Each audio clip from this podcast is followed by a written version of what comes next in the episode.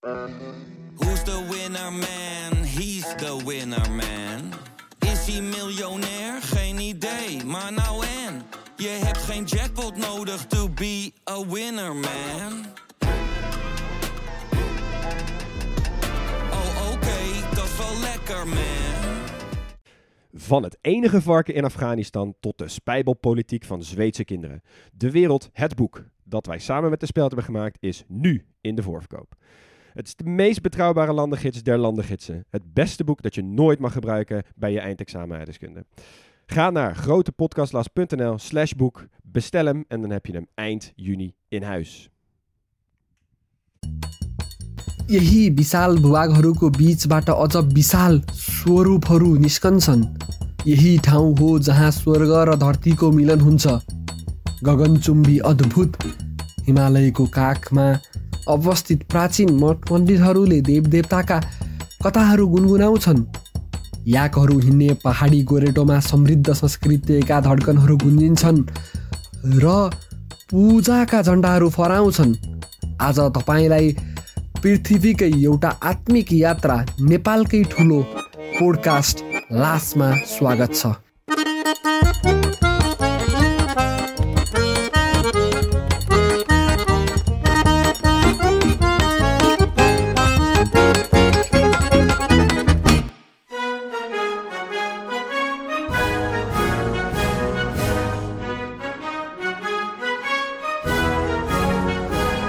Het is maar 150 kilometer van de besneeuwde 8000ers naar het laagland van de Ganges. Dit is je dwarsdoorsnede van Nepal.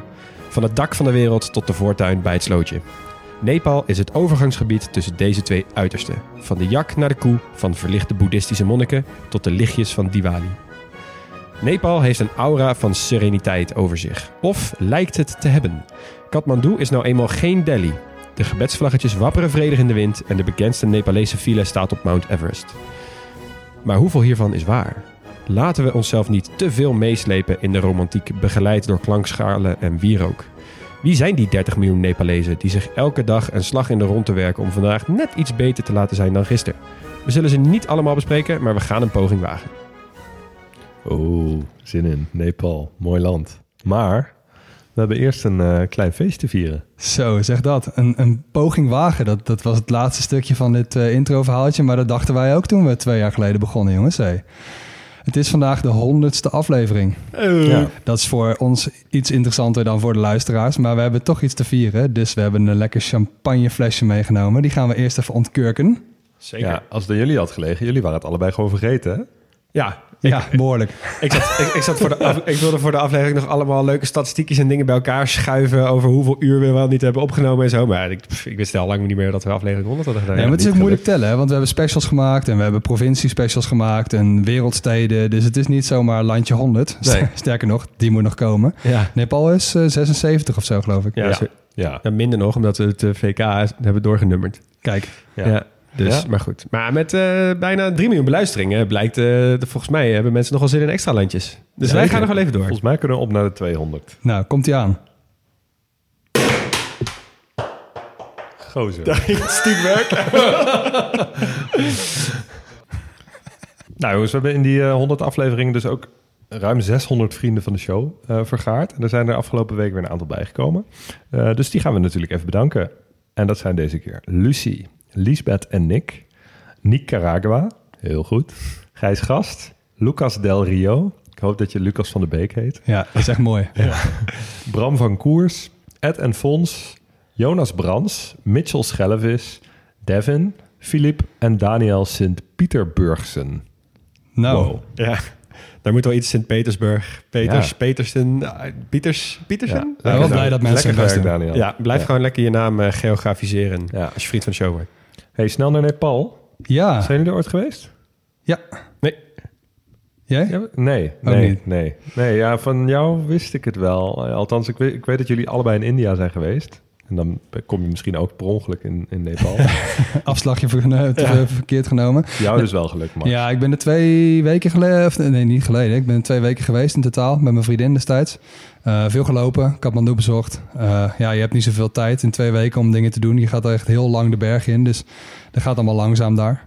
Ehm, maar heel veel mooie dingen gezien. En Nepal is toch wel een land dat ik, ja, dat ik wel in mijn hart heb gesloten. Het is denk ik ook een van de meest aangevraagde afleveringen van allemaal. Zo, hè? inderdaad. We kregen Heel veel berichten van mensen die, die- hem ja. wilden, maar ook... Ja, ik ben er nu! Ja. Ja. Ja, je hebt aan de zuidkant van India, eh, van India een veilig stukje India liggen. Of een soort van eh, vervanging daarvan, eh, Sri Lanka. en in het noorden is dat Nepal. ja, ja. Dus logisch dat mensen daar graag heen gaan. En dat ze ook graag deze aflevering willen. Dus wij kunnen die gaan maken voor jullie. En daarmee beginnen we met waar ligt Nepal precies. Een van de twee landen die ingeklemd ligt tussen India en China. Andere is, Bhutan. Bhutan. heel goed.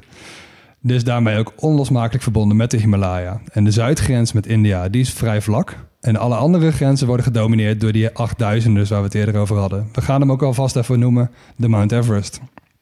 De oppervlakte van Nepal is 3,5 keer Nederland ongeveer. Ongeveer net zo groot als Bangladesh. En er wonen ongeveer 30 miljoen mensen in Nepal. Hoofdstad is Kathmandu. Anderhalf miljoen mensen. Ehm, en waar wonen die mensen? Nou ja, in, in Nepal is dat niet zo heel moeilijk. Het zal niet verbazen dat eigenlijk iedereen in de laaglanden woont. En dat is best een smalle strook land van ongeveer 50 kilometer breed. Vanaf de grens met India eh, tot aan de bergen dus. En het lijkt echt wel alsof India Nepal echt een stukje land heeft gegeven... om daar een beetje fatsoenlijk op te kunnen wonen. Ja. Ehm, hoe bergachtiger, dus ook hoe dunner bevolkt. En Kathmandu ligt eigenlijk niet in die strook. Hè? Die ligt Nee. al wel over de eerste bergrug, als het ware. Ja, Kathmandu ligt redelijk in de bergen, net als de westelijke tegenhanger, Pokhara. En dat zijn Ja. allebei eh, ja, een beetje cirkelvormige dalen. En die zijn gewoon helemaal volgebouwd. Ja. Dus het klopt dat dat inderdaad niet ligt op dat meest dichtbevolkte stuk laagland. De religie is eh, het hindoeïsme. Het is een van de twee landen maar waar hindoeïsme de overhand heeft. Samen met natuurlijk India. Eh 80% ongeveer is hindoe. En dat is dus ook meer dan in India. Qua percentages. Ja. ja. ja, niet de absolute bevolking, nee. En 9% is nog boeddhist. Tibetaans boeddhist vaak. Dus die moeten we ook even noemen. De taal is Nepalees. En de achternamen is wel eentje, eh, een hele lijst van achternamen die we nog niet eerder hebben gezien. We hebben Kodari, Shrest, Yadav, Rai, Tapa en Magar. Oké, Ja, die had ik je ook niet gegeven. van Andere tevoren. hoek. Nee. En de vlag is ook een hele vaak eh, aangevraagde vlag in onze podcast. Want het is natuurlijk de enige vlag ter wereld die geen rechthoek is. En de vraag is wat dan wel? Eh, het zijn twee op elkaar gestapelde rode driehoeken met een blauwe rand eromheen. Twee symbolen daar ook in. Een maan, die staat voor de sereniteit van het Nepalese volk, de schaduw en het koele weer in de Himalaya. En een zon, en die staat natuurlijk voor de hitte en de hogere temperatuur in de lagere delen. Dus beide kanten zijn weer vertegenwoordigd. En die vlag is zo ingewikkeld dat ze in de grondwet een soort van IKEA-handleiding hebben opgenomen met een vier, 24-delige stappenplan om hem te tekenen. Ja, heerlijk. Ja, goeie. Als jullie een eh, mening mogen geven over deze vlag, wat zou hem worden? Eh, ja, vet. Maar ja, als je af mag wijken van het, het formaat vierkant of, of rond, of eh, vierkant of rechthoekig. Ja, dat is, dat is niet, geen, niet- ja, het is gewoon geen eerlijke vergelijking. Snap je? Ja, ja, oké. Ze hebben zich niet aan de regels Ze gehouden. hebben zich niet aan de regels Nee. gehouden. Dus ik kan zeggen, hele vette vlag. Maar ja, hè, als je het zo mag doen, ja, dan... Ik vind dus Dan weet je nog wel wat beters. Ja, nou, dan hadden mensen, hadden veel meer landen nog iets vets kunnen Nee, maar ik vind, eh, ja, mag ik, eh, mag ik een, eh, een unpopular opinion hier droppen? Ik vind het dus helemaal geen mooie vlag. Ik vind die vorm echt stom. Eh, twee van die driehoeken op elkaar gestapt. Hij wappert nooit mooi. Het ziet er altijd uit alsof er iets is afgebladderd, zeg maar. Snap je? Ja. Het is een beetje alsof het heel lang hangt. het is een soort vaantje. Nee, Het is echt een vaantje. Het voelt goedkoop en het voelt niet machtig. Eh, een vlag voelt machtig als die zo wappert. Vierkant, wie weet hoe het gaat met een vlag. maar eh, deze heb ik dan nooit dat, dat, dat gevoel gehad of zo. En ik vind die vormen ook niet cool. Nee, ik vind niks. Nou, soms zijn we het ook wel eens ergens gewoon Oh, niet zo blij oneens. mee. Hè? Ja. Nou, balen Nepal. Hopelijk gaan we nog heel veel mooie dingen vinden over je.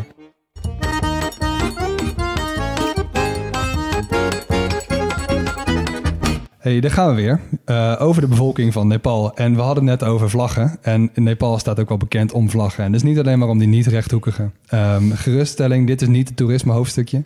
Ehm, maar als er mensen terugkomen vanuit Nepal... dan denken mensen altijd aan iets wat mensen meenemen. En dat zijn dus die gebedsvlaggetjes. Ja.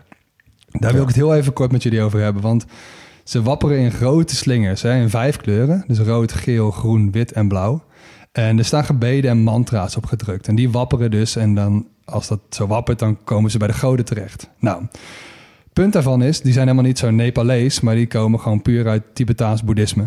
Dus die vind je ook in Noord-India, die vind je ook in Tibet... die vind je waarschijnlijk ook in Bhutan. Eh, maar En mensen associëren ze bij wel buurvrouw vind je ze ook. Ja, samen met Boeddha beeldje. Ja. Ja, dus dat eventjes eh, uit, de, uit de weg ruimen. Eh, het is niet typisch Nepalees, maar wel gewoon Tibetaans boeddhistisch. Dat is ongeveer 9% van de mensen die woont in Nepal. En die wonen dus diep in de bergen. Dat Tibetaanse boeddhisme, dit is een late afstroming van het originele boeddhisme, maar dus wel de best overlevende stroming in Nepal. Je leest, we gaan even een stukje theologie doen met jullie. Want Leuk. we hebben best wel wat theorie achter het geloof te bespreken. Want die Nepalezen zijn er al best wel lang in de weer met het boeddhisme. Als een klein stadje genaamd Lumbini is de geboorteplek van een belangrijke persoon. En dat is Siddhartha Gautama. Weten jullie wie dat is? Ja. Denk het wel, hè? Na dit onderzoek. Eh, de Boeddha? Ja, hij was de Boeddha. Ja. Hij, is, hij stamt ongeveer uit eh, 400 tot 500 voor Christus, weten ze niet precies. En hij was een prins. En die prins die kwam eigenlijk bijna nooit, buiten de paleismuren. Ging stiekem een kijkje nemen buiten die muren en raakte daarbij geïnspireerd door monniken. En hij brak definitief met zijn bestaan als prins en ging de wijde wereld in. En wat ging hij doen? Hij ging onder een bodyboom zitten eh, in Bodh Gaya, dat is in Noord-India. En daar begon hij te mediteren. Heel lang. 49 dagen deed hij erover om de verlichting te bereiken. En toen werd hij dus de Boeddha. Letterlijk, hij die ontwaakt slash verlicht is. Oké. Dat was hij. Nou, belangrijke persoon. En wat, wat betekent dan dat verlichten? Ehm, dat betekent eigenlijk dat je aan het eind komt van een cyclus van dood en wedergeboorte. Belangrijk in het boeddhisme. En dus ook aan lijden, aan pijn, aan rouw en aan verlangen. Ze noemen dat ook wel nirvana. En wat, Die wat verlichtheid, Wat zeg je? die verlichtheid Die, ze die verlichtheid, ja. En in het boeddhisme ehm, zie je wel dat dat nirvana, dat, dat dien je wel zelf te behalen. Op basis van de leer van Boeddha. Dus het betekent ook dat boeddhisme wel een grondlegger heeft, dus hij. Maar geen profeet. Want je- hij staat niet rechtstreeks in contact met een hogere god. Eh, belangrijk in boeddhisme dus het goddelijke zit dus in jezelf. Ja. Dus je aanbidt geen externe god of goden. Dat gaan we even vergelijken met de grootste religie in Nepal, want dat is natuurlijk het Hindoeïsme. En ook dat is afkomstig van het Indische subcontinent, een beetje dat gebied rondom de Indus van vroeger. En die zijn dus wel verwant aan elkaar, want Hindoes beschouwen Boeddha als de negende incarnatie van Vishnu. Vishnu is een god uit het Hindoeïsme. Dus een beetje complex, die religies zijn wel verwant. Ehm, maar bij allebei is, het, eh, is de term karma bijvoorbeeld wel belangrijk. Eh, fysieke en mentale acties zijn dus bepalend voor iemands lot. Beetje actie-reactie. Dus goede deugd of goede, goede daden, die Ja. zijn dan ook weer wederkerig, zeg maar. Er zitten ook wel wat eh, belangrijke verschillen in. Eh, boeddhisme kent wel heilige geschriften, maar het is niet zo'n heilig opperboek als de Bijbel en, eh, en de Koran. Hindoeïsme ook niet echt, maar we hebben wel de Veda's. En die zijn dus wel een stuk heiliger. Die zijn ook veel eerder samengesteld.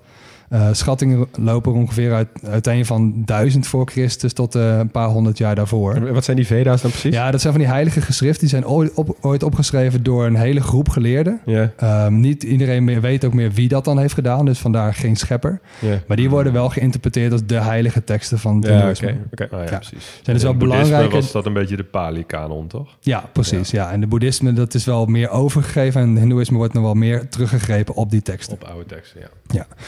Hindoeïsme heeft dus ook geen aanwijsbare stichter. En boeddhisme dus wel. Hè? Dat hadden we net, Boeddha. Eh boeddhisme heeft dus ook geen externe goden. En hindoeïsme juist wel. Fucking veel. Ja, ik net zeggen, niet één, niet twee. Ik noem even wat hoofdgoden. En daarmee doe ik de lijst ook wel een beetje tekort. Maar je kent misschien wel de hoofdgoden. Vishnu, Shiva, Krishna, Rama en Ganesha. Ik vind polytheïstische religie sowieso echt fantastisch. Ja, Ja. Maar ook als je er zeg maar eh theïstisch over nadenkt hoe dat dan in de geschiedenis is gegaan. Dat je echt zo, oh, de god van de geboorte. En wat is dat brandende ding in de lucht? Oh, de god van de zon. En dan twee weken later, oh, wat, wat is dit vloeibaar? Oh, dit is, oh, de rivier. De god van de rivier. En dat je zo ga je gewoon door totdat je gewoon een, een god hebt bedacht voor alles wat je niet begrijpt. Ja, en in Hindoeïsme heb je bijvoorbeeld ook een apengod. Ja, en, precies. En, een, en een muis en zo. Ja. Ja, daar wordt de mythologie echt veel leuker van. Ja, ja, Zeker, die verhalen zijn ook fantastisch. Met Ganesh, wiens hoofd is afgehakt en toen de olifant ervoor terugkreeg. precies. Nou, ja, daar gaan we denk ik in India nog wel over hebben. Ze zijn allemaal eh, verenigd onder de hoofdgod Brahma, om hem even te noemen. Ehm, en wat ook wel belangrijk is, dat boeddhisme kent niet zo'n kastenstelsel, wat hindoeïsme dus wel heeft. Eh, of in ieder geval veel minder rigide dan bij het hindoeïsme. Ja, Eh, maar ik denk dat we kastenstelsel- daar in, in India nog wel verder op doorgaan. Ja, oké, check. Ehm, want anders hebben we geen tijd om twee andere belangrijke groepen te bespreken. En de eerste groep is de Gurkha's. Toch een beetje de Galliërs van dit deel van de wereld. Ehm, de Britten die wilden ze overmeesteren en hun gebied inlijven. Met 3500 soldaten en de modernste wapens. Maar die beten zich stuk op een paar honderd Gurkha's die alleen vochten met kukris. Dat is hun, hun krom zwaard, zeg maar. En alleen door een grote overtal konden die Britten dus winnen. Maar die waren zo onder de indruk van die Gurkha's... dat ze, dat ze meteen werden opgenomen als elitekorpsen in het Britse leger. Vet. En nog steeds, hè? Nog steeds. Er is nog steeds ja? een Gurkha-regiment. En dat is nog steeds echt een elite-regiment in het Britse leger. Ja. Want we hebben ook gewoon in Afghanistan Er gevochten. zit superveel heroïek omheen door al die vechtkunst en een opofferingsgezindheid. Ja, wel, wel echt een mystieke groep. En we begonnen met het Tibetaans boeddhisme, dus ehm, dan eindigen we er ook even mee. En wel mooi ook dat er een mooie bevolkingsgroep is die we even kunnen bespreken. En dat zijn de Sherpa. Ja. Die leven diep in de bergen en die zijn daar dus zo thuis dat mensen vaak denken dat het een beroep is. In plaats van een hele bevolkingsgroep. Ja, hallo Leon Boelens, tot a- onderzoek van deze aflevering. Oh, jij ook? ik dacht dat ook. Ik dacht dat Sherpa gewoon een beroep was. Gewoon een drager. Ja. Ja. ja, ze worden gehuurd als drager en ook als gidsen voor mensen die de berg in gaan. Ik zat te bedenken, het is een beetje het omgekeerde van een viking. Hebben we ook besproken. Ja, ja. Want je ging op viking, maar je was geen viking. Maar we zijn nu wel die hele bevolkingsgroep zo gaan noemen. Ja, als, Het is precies andersom. Ja, precies. Hun naam betekent trouwens mensen uit het oosten. Ze kwamen uit Tibet. En als je goed inzoomt op die groep, zie je dus dat vet veel mensen Sherpa als achternaam hebben. Ja. En dat is ooit zo gekomen doordat de Nepalese overheid... Die, die hield een volkstelling en die realiseerde dus niet zo goed... dat de Sherpa's helemaal geen achternaam gebruiken. Dus die hebben gewoon overal Sherpa ingevuld. Sherpa, Sherpa, Sherpa. En nu heten die al die mensen Nee. Sherpa. Wat een goed feitje is dat. Ja, laatste mooi feitje is dat eh, Nepal, dus even heel wat anders. Nepal gebruikt tijdzone plus 5 uur en 45 minuten. Ja, doe normaal. Dus ja. het is daar dus een kwartiertje later dan in India. Ja, super onhandig. Ja. Hey, eh, de geschiedenis. Nepal is natuurlijk een super bergachtig land. Spoiler voor, eh, voor het natuurhoofdstukje. Eh, maar dat maakt ook dat het altijd heel lastig is geweest om de volkeren die er wonen te verenigen tot één rijk. Dus je had heel veel verschillende volkeren. Eigenlijk in ieder dal wel weer een ander. Ehm, en dat verenigen tot één rijk, dat gebeurde echt pas in de 18e eeuw.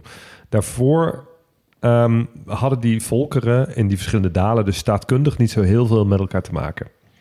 Ehm, het werd ook nooit bestuurd door een groot rijk van buitenaf bijvoorbeeld. Dus het is nooit helemaal veroverd door bijvoorbeeld de Mongolen. Die bleven ten noorden van de Himalaya. Dus die Ja. hebben Nepal nooit overgenomen en als geheel onderworpen. Dus ja, allemaal kleine koninkrijkjes.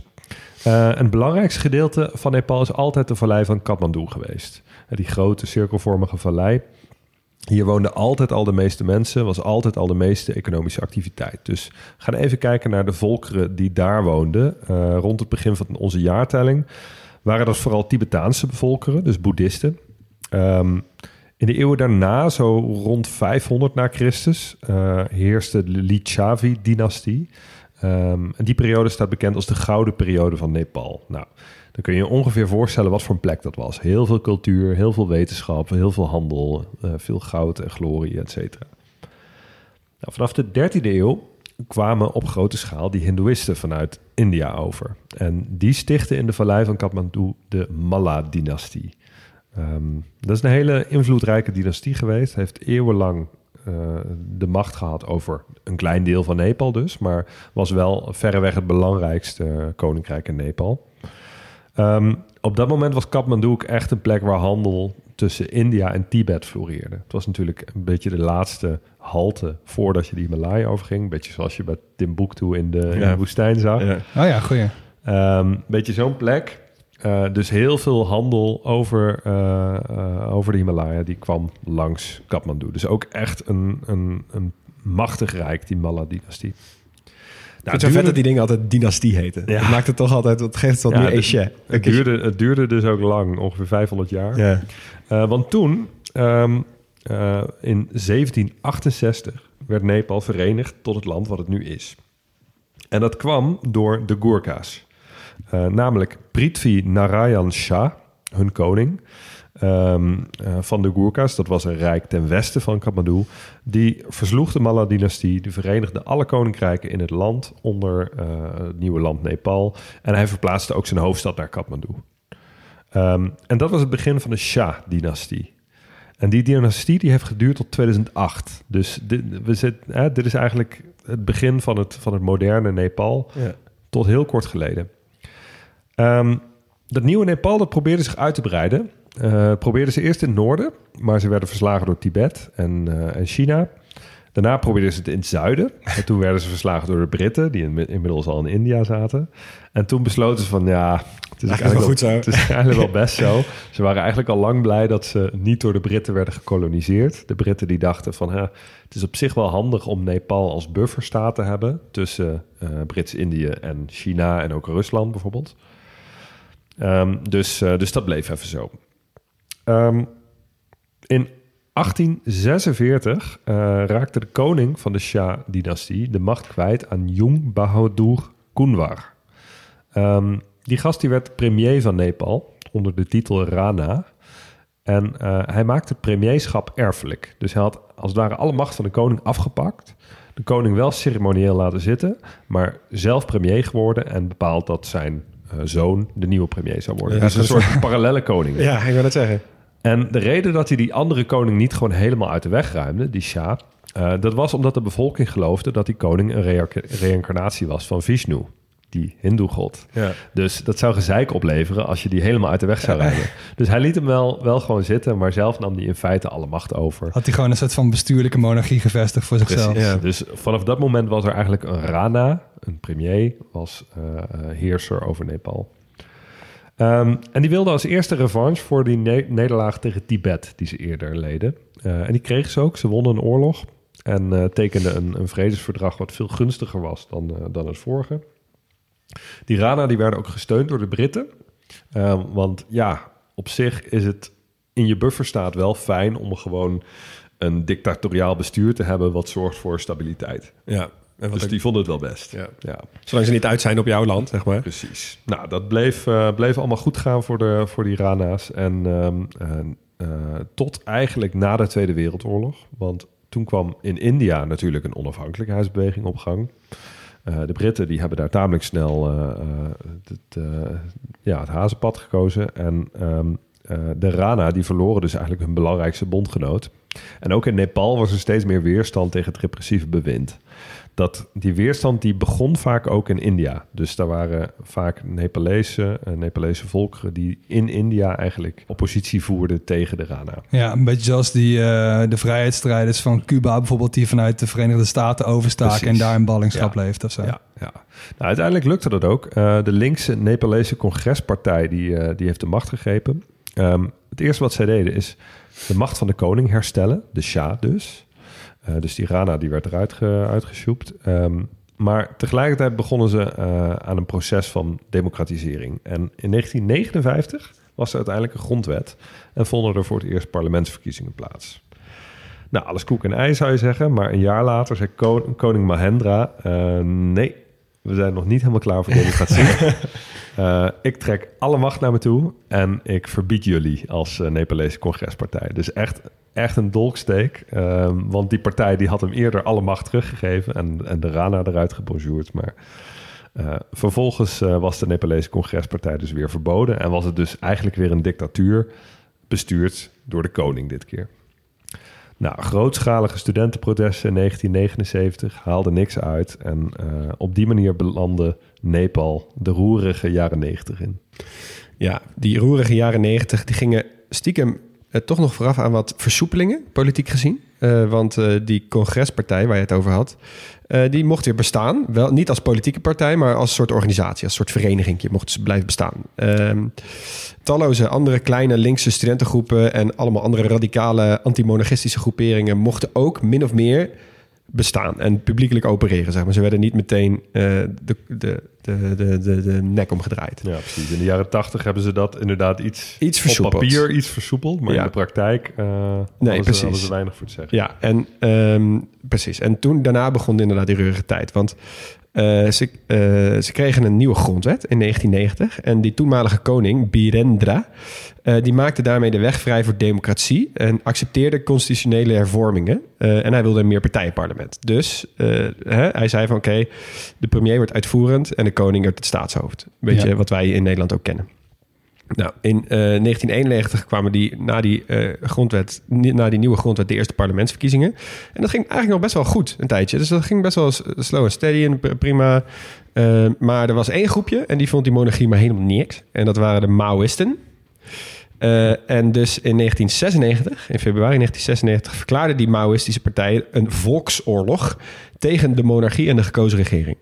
Oké, dat is hommeles. Dat klinkt goed, hè? De Nee. Sowieso, Nee. sowieso wel mooi. Hè? Vaak zie je natuurlijk dat na 1990 de communistische be- bewegingen in de wereld Beetje een instorten? Een beetje instorten. Ja. Maar ja, in dit deel van de wereld was daar natuurlijk helemaal geen sprake van. Nee. Ik bedoel, die Maoïsten waren gewoon springlevend. ja, die hadden ook nog niks, zeg maar, die mochten ook niet bestaan tot ongeveer nu. Ja, nee, klopt. Ja. Dus hier begon eigenlijk pas de, de communistische lente. De revolution. Eh, ja, want die, die eh, volksoorlog, eh, die staat onder sommigen ook wel bekend als de Nepalese burgeroorlog. Ik vond het een beetje een eufemistische term, eh, persoonlijk. Tuurlijk, het was ook verschrikkelijk en er zijn wel echt doden gevallen. Maar het was meer een soort de Maoïstische strijders die guerrilla-tactieken gebruikten tegen de overheid en de politie, zeg maar. Maar de, de, het- de, de Royal Nepal Army bijvoorbeeld, die was niet eens betrokken bij de eh, gevechten, omdat het conflict als een politiezaak werd beschouwd. Dat vind ik ook zo'n heerlijk stukje framing, zeg maar. Nee, nee, we zijn niet in oorlog, maar, want ons leger doet niet mee. Maar de politie is wel gewoon zwaar bewapend eh, tegen die guerrilla-gasten aan- aangegaan. Ja, dus dat Als jij een- vond het een te zware naam voor wat er eigenlijk speelde. Ja, het waren niet ja. twee gigantische burgeroorlogen met tanks in de straten en schieten tegen elkaar, zeg maar. En, en ziek veel burgerdoden of zo, dat was het Nee. niet. Nee, oké. Nee, eh, maar goed, maar eh, het was wel gewoon een groep eh, anti-monarchisten en een groep eh, pro-monarchisten. En die pro-monarchisten waren aan de macht. Eh, dit escaleerde compleet vanuit een bizarre hoek op eh, 1 juni 2001. Bizarre plotwending, kan ik je vertellen. Blijf zitten. Er was namelijk een bijeenkomst van de koninklijke familie. En daar was iedereen ongeveer bijeen. Van die hele koninklijke familie. Hè? Dus, eh, ooms, tantes, eh, koning, koningin, eh, zoons, dochters, whatever. Eh, en de kroonprins en de hoofdpersoon van dit verhaal. Namelijk prins Dipendra. Prins Dipendra eh, was namelijk eh, volgens sommige bronnen... maar die zijn niet altijd even betrouwbaar... eh high als de neten, dronken als een toor... eh, en schoot die dag zijn vader, de koning, zijn moeder, de koningin... zijn jongere broer en zus... en zes andere leden van de koninklijke familie dood. Ja. En daarna eh, richtte hij het pistool op zichzelf en schoot zichzelf neer, maar stierf niet en hij raakte in een coma. De bizarre koninklijke soort uitmoording van je eigen prins. Ik zag hem niet aankomen. Ehm, en de volgende dag, dit is ook zo'n bizar verhaal. De volgende dag kwamen al die leden, de volgende dag al, hè, kwamen de leden van de koninklijke familie bij elkaar voor een staatscrematie. En die Dipendra, die dus in coma lag, die dus alles had uitge, uitge of die iedereen had neergeschoten, die werd toen eh, tot koning uitgeroepen In het ziekenhuis. in het ziekenhuis, terwijl hij in coma lag en die iedereen had vermoord. Want hij was nou eenmaal de enige. Want hij was nou eenmaal de troonopvolger. Eh, maar gelukkig, kan ik zeggen, voor het Nepalese volk, stierf hij drie dagen later. Want als hij het had overleefd, dan had hij als koning niet berecht kunnen worden. Omdat de koning is een soort van heilig daar. Oh ja. Stel je voor. Ja. Maar Zo. goed, dat is dus... eh, de, ja, ik wil niet zeggen dodge the bullet there, maar hij dodge in ieder geval geen bullet there. Daar zijn ze heel blij mee. Nee, maar dan ga je in En een paar toen? dagen wel echt ineens een heleboel eh, staatrechtelijke fases door, man. Ja. Ja, en Nee, iedereen... en, en toen was er nog een, was er nog een opvolger over. Ja, die waren er dus wel. Eh, er was dus inderdaad daarna een opvolger, een koning, die ook daarbij was, die het heeft overleefd. Eh, daar zijn ook weer wat conspiracy theories over, omdat ze niet helemaal zeker weten. hè, waarom heeft hij het dan wel overleefd? En in zijn familie was er niemand dood. En Ja. alle andere families dan weer wel, zeg maar. Dus eh, gezinnen moet ik zeggen, niet familie. Ja. Eh, maar goed, maar hierna waren nog steeds lastige jaren, want er was nog steeds een burgeroorlog. Eh, en die nieuwe koning, zijn naam was eh Gyanendra. Eh, en hij, was wat, eh, hij trok wat meer de macht naar zich toe. Want hij had zoiets van, ja luister, die burgeroorlog, daar ben ik nu al klaar mee. Dus hij eiste van het parlement dat ze moesten zorgen dat het ging stoppen. Het lukte het parlement niet. En toen heeft hij tot twee keer toe de absolute macht naar zich toegetrokken. En heeft hij het parlement buitenspel gezet. Eh, tot in 2006. Toen was er een zeven partijen alliantie. Eh, eh, en eh, de Maoïstische partij, de CPN. En die hebben toen allemaal stakingen georganiseerd en allemaal protesten georganiseerd in Kathmandu. En die werden door de koning hardhandig tegengeslagen, waardoor er dus 23 demonstranten de dood vonden. En toen heeft die Gyanendra, die koning, heeft gezegd: Oké, luister, dit kan niet zo langer. We moeten een nieuwe premier kiezen en daar gaan we dan de uitvoerende macht aan overgeven. Ja. Ja. En tegelijkertijd besloten ze daarmee... de monarchie moet een plek krijgen in die nieuwe grondwet. Want die, hè, we moeten alles gewoon weer eventjes opnieuw resetten. Prima. Nou, oké, leuk. Eh, zij eh, eh, die regering aangewezen, 2006. Surprise, surprise, dikke grap. De koning werd buitenspel gezet. Er was geen plek voor hem in de grondwet. Dus hij werd eruit gesloopt. Koningfunctie elders. Ja, koningfunctie elders. al zijn bezittingen werden in beslag genomen. En hij had echt een hele korte tijd om op te sodemieteren uit zijn paleis en al zijn spulletjes. En in 2008 werd Nepal dus vrij, ja, vrij, hard, vrij hard ineens een republiek. En die Gyanendra was dus de laatste koning van Nepal. En er kwam een einde aan het koninkrijk van 240 jaar. Ja, niet echt het, eh, het einde dat ze, hadden, dat, ze voor zich hadden gezien, denk Nee, ik. denk het ook niet. Maar echt, wat een bizarre wending ook, hè? Ja. Nou, die, die Maoïsten die kwamen dus in 2006 in het Nepalese parlement. En daarmee is, eh, werden ook meteen de vredesbesprekingen gestart... en werd die burgeroorlog ook officieel afgesloten. Ehm, en het waren twee belangrijke communistische partijen. De twee belangrijkste. Die gingen in 2018 eh, samen verder als een fusie. Waar hebben we dat eerder gezien. Maar in 2021 ging dat toch niet helemaal, eh, helemaal lekker. En toen zijn ze weer uit elkaar gegaan. Maar dat zijn nog steeds eh, de tweede en de derde partij van het land. Eh, en de grootste partij van het land eh, is Nepali Congress. Dat is nog steeds. Dus nog steeds, inderdaad, de Sociaal-Democratische Partij. De vorige president, Bija Devi Bandari, een vrouw... en de voormalige vicevoorzitter van de Communistische Partij van Nepal. En de huidige minister-president is Pushpa Kamal Dahal... de voormalige guerrilla-chef van de Maoïsten. Dus Zo. je kan wel stellen Ja. dat het best wel een Maoïstisch, communistisch land Ja. is, Ja, maar dit, maar dit illustreert dus ook wel een beetje in, in wat voor spagaat ze zitten met z'n tweeën. Ehm, namelijk, ze liggen aan de ene kant aan, in, aan India vast. Daar hebben ze eigenlijk cultureel gezien, het grootste deel hebben daar veel meer mee te maken, want Hindoeïsten. Eh, aan de andere kant liggen ze tegen China aan. Dus er wonen ook superveel Tibetanen wonen ook in Kathmandu. Die zijn gevlucht, het is gewoon een diaspora. Ja, Eh, En ze hebben nog last van een, van een Maoïstische guerrilla. ja, ja. Dus, ehm, en dat in de achtertuin van China, net aan de andere kant van de Hoge Bergen. Moet kijken in wat voor spagaat dat land zit. ja, ja, Ja. echt hè? Ja, een hele interessante plek natuurlijk.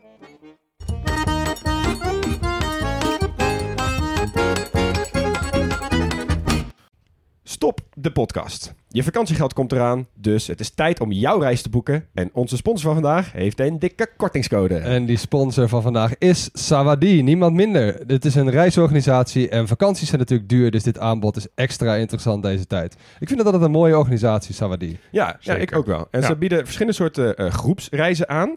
Eh, en vandaag gaan we het even hebben over die ze aanbieden aan de 22 tot 35-jarige backpackers. En dat zijn over het algemeen mensen die wel wat meer willen weten over het land dat ze bezoeken. En dus niet zomaar van A naar B die hotspots aflopen, busje in, busje uit. Ja, en het zijn ook mensen die het vaak leuk vinden in een groep eh, te reizen. En eh, die groepen die blijken ook heel snel vriendengroep te worden. Zowel tijdens de reis als daarna. Eh, mensen komen vaak nog heel, veel, heel vaak met elkaar terug, spreken af om te meeten en zo. En je kunt dus ook echt naar heel veel plekken op de wereld. Populair zijn op dit moment plekken als Zuid-Afrika, Marokko, Jordanië, Colombia, Nepal. Eh, maar bijvoorbeeld ook plekken die normaal gesproken niet altijd makkelijk te bereizen zijn voor, ik zeg maar wat, alleen reizende vrouwen. En dat zijn dan bijvoorbeeld plekken als India. Ja, en ze werken natuurlijk samen met lokale organisaties, niet met de grotere hotelketens. Eh, ze eten bij locals, eh, lopen rond met mensen die heel veel kennis hebben over de lokale gang van zaken. En daar komt de kortingscode om de hoek kijken. Want als je nu een 22 tot 35ers reis boekt, krijg je 100 euro korting met de code TGP100. En die code is geldig van 1 mei tot 16 juni. Ja, dus je moet wel een beetje op tijd boeken, maar hey, 100 euro korting op zo'n reis. moet je zou kijken dat- wat je er allemaal mee kan ik doen. zou dan toch altijd even proberen om DGP 200 in Ja, te voeren. ja, ja, ja, dat ja. ik misschien. Ja. Ja, ik Anyway, 100 is ook al super mooi. Zeker. En bij Sawadee, het reizen is heel makkelijk. Er is heel veel keuze en het is dus ook heel gezellig. Sawadee, met wie ga jij op reis? Terug naar de podcast.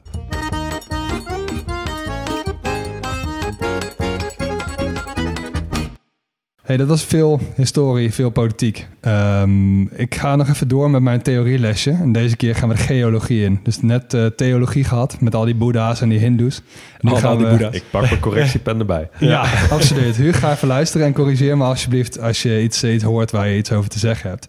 Want Nepal is het land dat je misschien wat meest associeert met de Himalaya. Dus ik ga jullie eventjes wat vertellen over de ontstaansgeschiedenis van de Himalaya. We hebben het wel eens eerder gehad, maar gewoon even voor eens en altijd. Als je heel streng bent, is de Himalaya iets van 2400 kilometer breed. Grofweg de grens van India en China met een stukje Nepal ertussen. En Bhutan. Als je wat minder streng bent, dan kun je ook de Karakoram, de Hindu Kush en de Pamir erbij rekenen. Dan gaat hij tot en met Afghanistan en Tajikistan. Dat is een beetje je speelveld. Ja. Nou, ooit heb ik de vorming van de Himalaya al een klein beetje besproken bij de aflevering Armenië, omdat de Himalaya dezelfde ontstaansgeschiedenis heeft grofweg als de Caucasus, de Alpen en de Pyreneeën. Eh, die hele verzameling gebergtes, die heet de Alpide Gordel. Dat is even een term. Dus heel even kort, wat was er aan de hand? Er was ooit een oceaan, de Tethys-oceaan. Die liep van Spanje tot Bangladesh ongeveer. En die insluiting van die oceaan, die heeft best wel wat teweeggebracht. Dus de eh, Afrikaanse plaat bewoog noordwaarts, beukte in op de Eurasiatische. Dat ging een- paar Alpen vormen en de, en de Pyreneeën. En in het oosten was het nog spannender, want India lag ooit aan Afrika. En die vond het daar niet meer zo fijn. India brak af. Die ging de Indische plaat vormen en die verkast naar het noorden. Zover naar het noorden dat die knalde op China. Dus het Tibetaanse hoogland, wat we nu kennen, is ooit gewoon een hele lekkere kustlijn geweest. Ja, dat was gewoon een kustvlakte. Ja. En India beukte zo hard in op Tibet dat het hele gebied als het ware een stuk is opgetild. Dus dat hele hoogland, daar is geen punt onder de 4000 meter. Dan mag je het dak van de wereld heten, niet? Ja. En dat op een stuk dat als het een eigen land zou zijn, was het dat maar, ehm, zou, het het op, eh, zou het het tiende land ter wereld zijn. Dus zo groot ja. is dit. Zo, ja. En de impactzone van dit alles was natuurlijk de Himalaya. En we weten inmiddels dat dan meestal vulkanisme optreedt als een oceanische plaat in het spel is. Nou kwam die Indische plaat wel van ver over zee, maar omdat India zo'n gigantisch stuk land is, zien we dit wel als een continentale botsing. Dus je had twee gelijkwaardige stukken land die op elkaar knalden en begonnen te plooien. Vier belangrijkste zaken daarbij. De hoogte van de Himalaya komt vooral door de snelheid waarmee India op China knalt. Dus dat is puur de snelheid. Ging op het hoogtepunt, eh, hoogtepunt 10 centimeter per jaar. Dat is nu nog ongeveer 5. Eh, maar dat betekent ook dat die bergketen alleen maar hoger wordt. Ja. Natuurlijk heeft dat de Mount Everest gevormd. 8849 meter afgerond. De K2 ehm, in Pakistan. En andere van de hoogste bergen ter wereld liggen ook dus in de grote Himalaya. Acht van de tien hoogste bergen liggen in Nepal of op de grens. ja. Ja. Dus met recht goed om dit in Verdacht veel van die bergen liggen op de grens. Wat natuurlijk ook weer logisch is. Ja, het is een hele logische grens. logische grens. Ja. Hebben jullie enig idee welke berg de eerste is daarbuiten? Dus buiten de ruime definitie van de Himalaya. Ja, onze grote vriend in Argentinië, toch? Ja, de Aconcagua. Ehm, hebben jullie ook enig idee de hoeveelste berg dat is? Poeh. Even om het belang van de Himalaya te onderstrepen. Zevende of zo? Ja. Achtste, zoiets? Ja, ik vind het sowieso super lastig. Wanneer is iets een berg, hè? Kijk, als je op de, op de Mount Everest... Nu- heb je natuurlijk allerlei eh, zijtoppen en zo. En eh, Ja. als je ieder rotsblokje als een aparte top gaat tellen... Dat is zo, ja, dan, ja. dan kan je eindeloos door. Maar dit is niet Dus- het moment om moeilijk te doen. Oké, sorry. Eh, de 120ste. De 189ste berg. Oké. Zo. Dat is de eerste berg die dus niet in de grotere Himalaya... of in ieder geval in Azië ligt. Ja. Dat was het eerste punt, dus die snelheid. ehm, die dus die hoogte veroorzaakte. En de tweede is dat ehm, de oceaanbodem, die dus in de verdrukking kwam van die Tethys Oceaan, die is als het ware omhoog gestuwd. En dat betekent ook dat je boven in de Himalaya allemaal maritieme fossielen kan vinden. Ja, ja, grappig. Dus dat roze Himalaya zout, wat iedereen wel eens wint, dat Ja. was vroeger gewoon zeezout. Ja. Ja. Vet mooi. Himalaya Ja, dat- zeezuid. Ja, Ja. Dat Dat heb klopt je in de. Alpen Ja. ook. Dat is allemaal kalksteen. Of een groot deel van de Alpen is kalksteen. Dus dat is gevormd op de zeebodem. was gewoon vroeger een stuk zeebodem. Ja. Derde is dat het dus geen vulkanisme met zich meebrengt hier, of nauwelijks. Eh, en de vierde is dat het wel heel veel aardbevingen met zich meebrengt. En in Nepal had je die in 2015, dat was de meest verwoestende, eh, bijna 9000 slachtoffers. Het epicentrum lag ook niet ver van Kathmandu, dus dat is niet zo fijn. Eh, heel veel historisch erfgoed is verwoest. Ik was daar in 2020 en ik zag echt aan alle kanten nog zoveel gebouwen die gewoon helemaal kapot waren nog steeds. Ja. Ik liep daar toen ook de Langtang-trek. Dus ja, niet heel ver van Kathmandu. En die gids waarmee we liepen, die vertelde terloops even dat we op dit moment over het oude dorp aan het lopen waren. Wow. Omdat het helemaal door een soort van steenlawine, dat hele dorp is bedolven. Een paar honderd meter verderop hebben ze een nieuw dorp gebouwd. Nou, dan even wat leuks om af te sluiten. Eh, de Himalaya, onder andere in Nepal. Eh, dat is de plek waar de grootste bijensoort ter wereld woont. Nice. Dan zijn we altijd wel fan van de bijen, Ja, dus ik dacht, die moet ik even noemen. Ja. De reuze honingbij, die kan dus drie centimeter worden. Ja, klinkt niet zo indrukwekkend, maar drie centimeter voor een bij. Lelde en ik doen allebei... houden onze vingers drie centimeter van elkaar om even te kijken. Maar Vinden jullie dat groot? Nu als jullie kijken naar je vingers? groot. Ja. Ja. Ja. Een nest, dat is ook best wel groot, eh, kan tot 60 kilo aan honing bevatten. Wow. Ja, ik heb ze Wow. zien hangen. Die, ze, hangen ze, ze hangen allemaal van die overhangen, eh, overhangende rotsen. Daar, daar, daar maken ze ze. Dus het is heel moeilijk ook om ze te oogsten, als je het zo kan noemen. Dus ze zijn ook heel veel geld waard. Ehm, dat is ook zo omdat die bijen honing maken van planten die graia-notoxine bevatten. En daar krijgt die honing, die krijgt daar een soort psychoactieve eh, effecten van.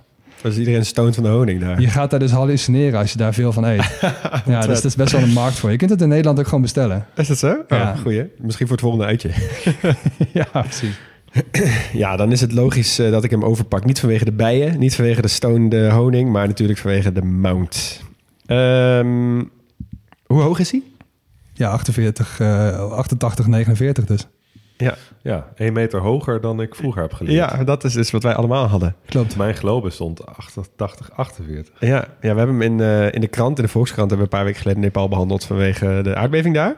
Toen hadden we 88, 49 ingezet. En ik kreeg allemaal reacties van mensen, huh, 88, 49. Dat is één meter hoger dan wat wij allemaal Ja. hebben geleerd. Maar klopt, ze hebben dus officieel met nieuwe technologie een paar jaar geleden weer eh, Mensen opgemeten. zaten al op het puntje van een rectificatiestoel inderdaad. dat. Maar het klopt, het klopt. Het is geen... eh, Ja, of hij wordt dus gewoon, is dus gewoon groter geworden. Want dat, Dat kan ook. dus ook. Ja, ja dat kan, het is natuurlijk lastig meten met al die sneeuw en al die gekkigheid daar. Maar goed, ja, prima. Ehm, Everest werd voor het eerst erkend door de westerse wereld in 1841 door Sir George Everest. Hey, Oh, Hoor je hem?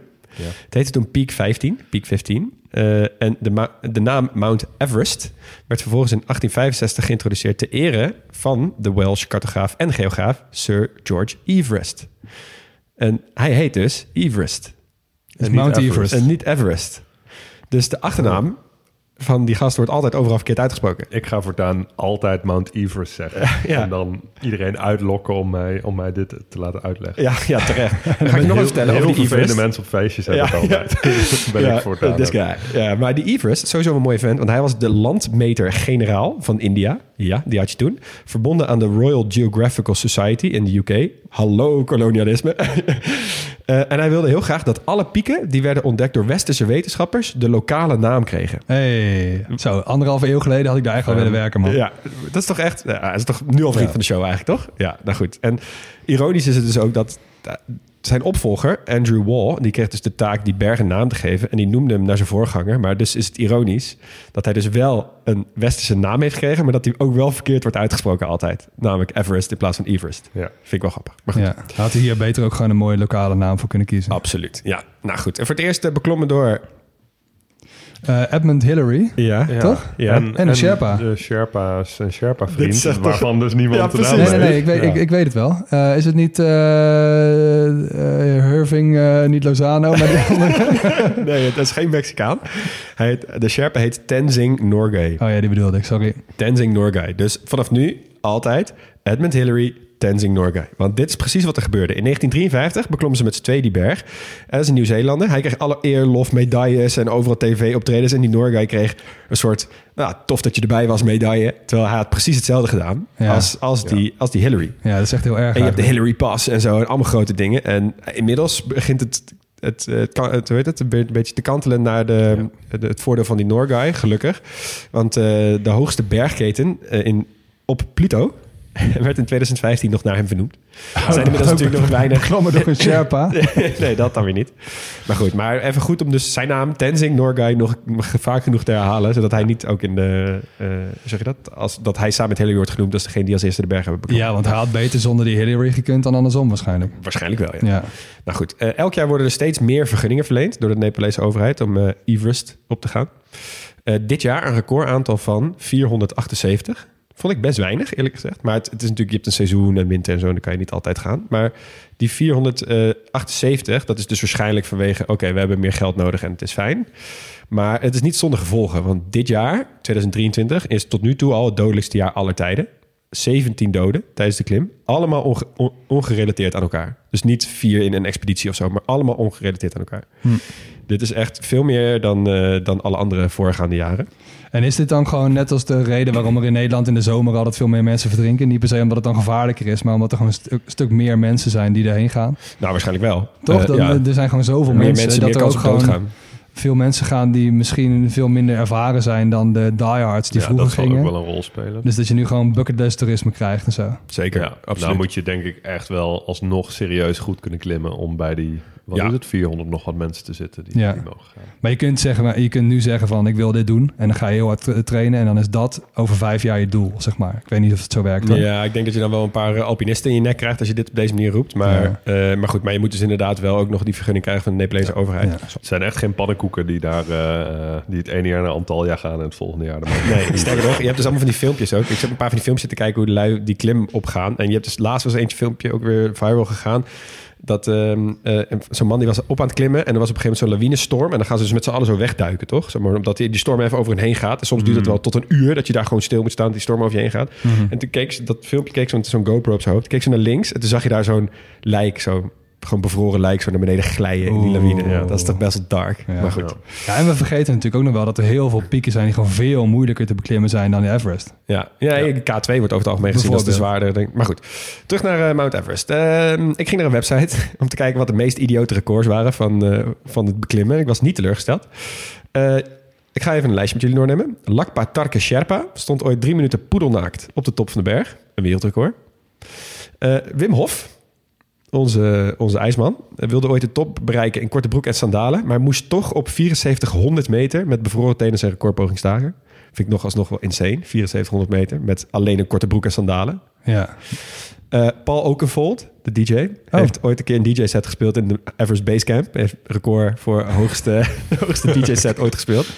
Slim wel. Eh, de Sloveen Davo Karničar heeft in 2000 van de top naar het basiskamp geskiet. Hij was daar vijf uur mee bezig. Wauw. En hij moest ondertussen ook nog om bevroren lichaam heen slalommen, volgens hemzelf. Eh, Marco Sifredi was de eerste die dat deed in 2,5 uur met een snowboard. Met een wat? Met een snowboard. 2,5 uur. Van de top naar basecamp. Holy. Daar moet je ook wel uithoudingsvermogen hebben. Hè? Zo. Eh, en dan eh, heb je nog Göran Krop. Dat is een Zweed. Eh, hij pakte zijn fiets in Jönköping in zijn eentje. Ging naar, fietsen naar Nepal. Beklom daar de Everest. Zonder Sherpa, zonder zuurstof. Haalde de top. Ging weer naar beneden. Stapte weer op zijn fiets. En fietste weer terug naar Zweden. Ja, dit is wel echt een verhaal dat je het meest tegenkomt Oh, inderdaad. En, met recht, Ja. inderdaad. En eh, wat ik het mooiste vind is... eh, in 2003 werd voor het eerst vanaf de top van de Mount Everest... eh, een telefoontje gepleegd. Van eh, Peter naar zijn vader, Sir Edmund Hillary. Dus de Oh. zoon van Oh, heeft cool. zijn vader getelefoneerd. Dat is een heel mooi filmpje van. Moet je maar eens even kijken. vet. Goed. Eh, we moeten even verder, want er is meer te doen in, eh, in Nepal dan Mount Everest. Eh, want eh, hoe kom je bijvoorbeeld daar in de buurt? Eh, je kan via Kathmandu vliegen, je kan naar Bharatpur vlie- vliegen, of je gaat naar Lukla Airport. Eh, Lukla Airport, ja, jullie beginnen al wat lachen. Het is een vliegveld op 2800 meter hoogte, tussen de bergen, met extreem snel wisselende weeromstandigheden.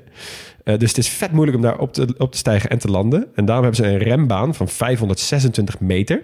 Ter vergelijking, de Schipholbanen zijn tussen de 3000 en 3800 meter lang. Deze is dus 500 meter lang.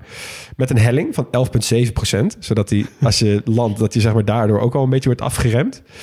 Eh, en eh, je hebt geen mogelijkheid om af te breken, je start of je landing. Dus Nee, want je, aan de andere go, kant van de, van de landingsbaan staat Dat- gewoon de, ber, de cliff. de zeg cliff maar, of omhoog. gewoon... Ja, precies. Ja. Oh, dus dus je je kan niet een een doorstart doorstart maken, nee. Oh Nee. shit. Nee. En tegenwoordig heet dat vliegveld trouwens Tenzing Hillary Airport. Dus Oh, komt er weer. goeie. Tenzing is er weer. Ja. Beter. Wel Ja, goed dat ze een hem van als de meest eerste hebben gedaan. extreme vliegvelden ter wereld. Ja, Moet je klopt, op. YouTube wat landings... eh, Nou, als je eh, vliegangst hebt en je gaat naar. Nepal, dan moet je die ja. niet gaan opzoeken. Maar goed, dat terzijde.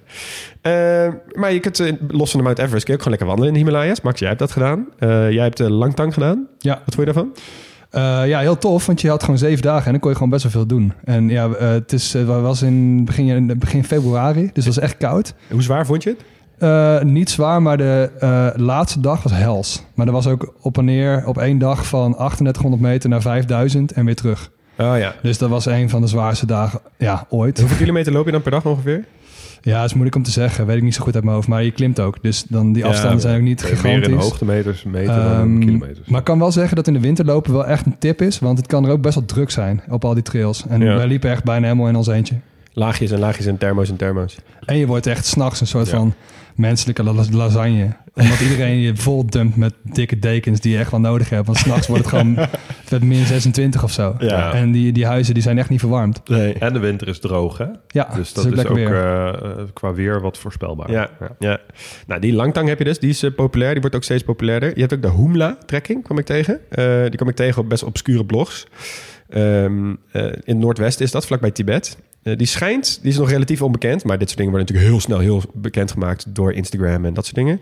Schijnt wel echt ongelooflijk mooi te zijn. En de allerbekendste wandeling in Nepal is natuurlijk Ja, die Annapurna. Annapurna Circuit. Ja, noordwesten van Nepal, ongeveer drie weken. Dat vind ik wel vet. Je gaat echt van die, eh, van die Marjangdi-vallei, echt een beetje subtropisch, super mooi, naar dat plateau. Dus je gaat ook door een kloof en, die, en door echt lijpe dorpjes. Ik kwam een dorpje tegen Pisang. Wauw. Daar moet je dat. Nou, ik, ga, ik zet wel even een plaatje op de socials. Ik had jou die geappt. eh, Van, yo, kijk hoe mooi dit hier is. Het is echt. Ze hebben dat dorp Pisang genoemd om mensen toch te laten twijfelen van moet ik dit wel gaan doen, want anders ben ik de... Pisang? Ja, misschien. Maar het is wel gek, want je loopt daar dus met een fucking dikke jas aan en zo. En je denkt echt van, wat ga ik in godsnaam doen, joh? Deze Ja. jas ga ik toch niet nodig hebben? Ja, Reken en- maar dat je hem wel En een dag later denk je, oh, oké. Tegenwoordig moet je trouwens officieel verplicht een gids meenemen op de Annapurna circuit. Maar ik begreep ook al van een luisteraar die er nu is, die zei, joh, er wordt altijd niet allemaal heel levendig gehandhaafd. Maar in ieder geval dat wij dat gezegd hebben. Eh Annapurna is bereikbaar vanaf Pokhara. Volgens mij is dat echt zo'n soort hub van allemaal toeristen en wandelaars en allemaal mensen die daarheen gaan. Eh, en dan wil ik nog één laatste, compleet andere tak van toerisme noemen. Eh, dat is namelijk de boeddhistische bedevaart. Ehm, in het boeddhisme heb je vier heilige plekken die de Boeddha zelf heeft aangewezen. En vier heilige plekken die zijn volgers hebben aangewezen, waar bijzondere dingen zijn gebeurd. In totaal zijn er acht plekken die beschouwd worden als bedevaartsoord. En daarvan is er precies eentje in Nepal. Oh, Namelijk die in Lumbini, waar die is geboren. Ah, kijk aan. En daar, ik ging even zoeken wat je daar dan allemaal kan doen. Nou, je hebt allemaal mooie paleizen en bijzondere Boeddha-plekken. En er zijn allemaal dingen waar dan een betekenis aan is gegeven. Zoals het meertje waar koningin Maya, de moeder van Boeddha, haar laatste bad nam als zwangere vrouw voordat ze beviel van Boeddha. En je hebt, komt ie, de boom waar Maya een tak van afbrak toen ze onderweg was om te bevallen van, van Boeddha. Ja, Ja, dat zijn Het ook is heilige waarschijnlijk dingen. wel makkelijker hier te komen dan in, eh, op die plekken in Tibet. Dus ik snap wel dat veel mensen dat... Ja, Ja, maar die andere zeven zijn in India. Dus je hebt gewoon Oh, acht echt? heilige plekken. En een ervan is in Nepal, die andere zeven zijn in India. Lhasa niet? Nee. Hmm. nee. Het zou ook wel moeilijk zijn om daar te komen, inderdaad. Ja. Misschien wel even goed. eh, het is, eh, Nepal is natuurlijk met recht een land waar heel veel mensen voor de natuur heen gaan. Ehm sla Kathmandu ook niet over. Het is echt een leuke stad. Hmm. Dat Durbarplein en die wijk Tamel, dat is gewoon, ja, is gewoon echt best wel een leuke stad. En iemand die daar naar binnen vliegt, die denkt ineens, holy fuck, dit is allemaal druk hier. Ja. Eh, als je met een nachtbus gaat, kan ik je vertellen vanuit Varanasi, India, voelt het echt als een lieflijk dorp. Wat een goede tip, snap hem. Oké, dan nog even economie. Ehm, ja, Nepal is natuurlijk altijd een land geweest tussen grootmachten in. Eh, eeuwenlang bracht dat heel veel handel en welvaart met zich mee. Maar ja, toen ze rond 1800 dus zowel met China als met India oorlog gingen voeren... eh, hebben ze hun eigen glaas wel aardig ingegooid. Ehm, het werd een hele geïsoleerde bufferstaat met een hele bescheiden economie.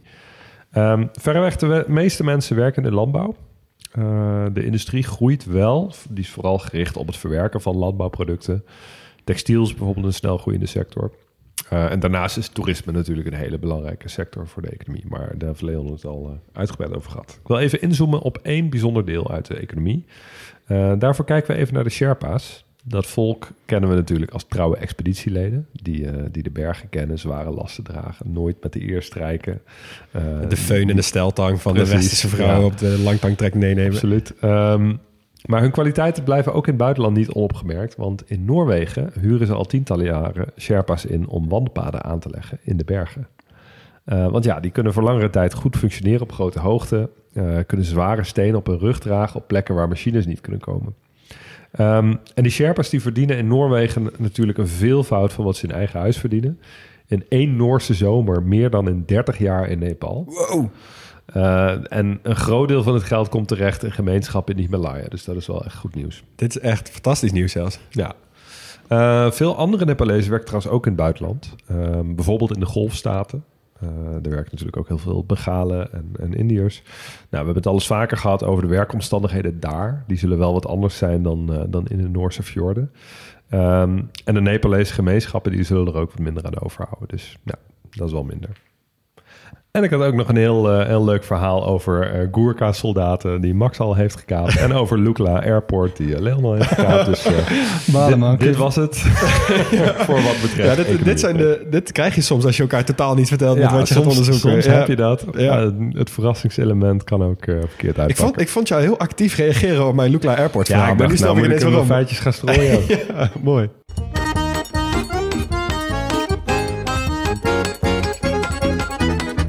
Jongens, kunsthoofdstukje.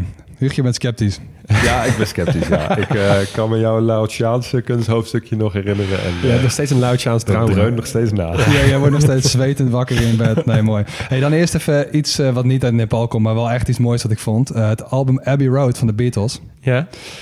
Um, albumcover, wat natuurlijk liepen ze over het zebrapad en zo. En dat album zou eigenlijk Mount Everest gaan heten. Mount. Everest, moeten we zeggen. Uh, er was een grapje vanwege een geluidsman die altijd sigaretten rookte van het merk Everest. Uh, maar dat betekende wel dat ze helemaal naar Nepal moesten vliegen om die albumcover te schieten. En daar hadden ze geen zin in. dus hebben ze toch maar gewoon aan de andere kant van de straat, waar hun studio in Abbey Road stond, hebben ze daar gewoon die cover maar geschoten. hebben ze dat ook maar de naam bedacht voor, uh, voor dat album. Oh joh, echt? Dus dat bijna, dat had niks gescheeld of dat album had gewoon Mount Everest geheten. En hadden ze misschien veel eerder een uh, India-expeditie kunnen starten. Eh, ja, ik, ja, weet ik echt niet zo goed of dat voor of na hun Indiase tijd was. Sergeant, Pepper, Sergeant Pepper's niet te is dat, diep. toch? Kom, door. Nee, daarvoor sorry. inderdaad. Ja, ik denk dat je gelijk hebt. Ja. Nou, dan eh, de filmindustrie van Nepal. Die heet Collywood. Ik dacht wel, het moet wel een keer afgelopen zijn hoor, Ja, met dit ja. soort dingen. Bovendien is Collywood trouwens ook al de Tamil filmindustrie in Chennai. Dus eh, beter bedenken Nepal. Eh, en we kunnen meteen de- dus door naar de muziek. En ik was wel eigenlijk echt wel toe, anders dan Hug, aan muziek uit, de, eh, aan, muziek uit dit deel van de wereld. Want ja, groot fan. Ehm, eerst even bespreken een bevolkingsgroep, de Tamang. De Tamang Selo is hun muziek. En die wordt gemaakt met een dampu. Dat is een grote tamboerijn. Een madal, met veel fantasie kun je dat een Nepalese djembe noemen. En een tungna, dat is een snaarinstrument. En ik ga jullie even vragen of je ze allemaal kan horen in het liedje dat ik nu ga draaien. En het mooie is, in deze scene is de grande dame, de pionier en de meest bekende artiest dezelfde. We noemen haar Hira Devi Vaiba. En ik draai met afstand haar bekendste nummer Chura Tahoena Astura uit de jaren 60.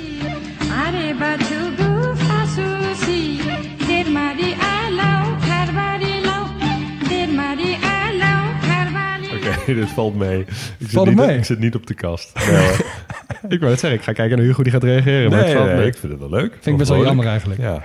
Ik weet niet of ik alle instrumenten heb herkend, maar...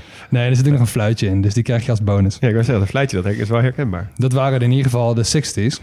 Ehm, dan gaan we naar de moderne tijd en we noemen daar eventjes de Dohori. En eh, het is eigenlijk een minder, minder duidelijk geleerd aan één bevolkingsgroep, maar razend populair in heel Nepal. Zie je het als een soort van freestyle battle in groepsverband. Dus de mannen tegen de vrouwen, jongens tegen de meisjes.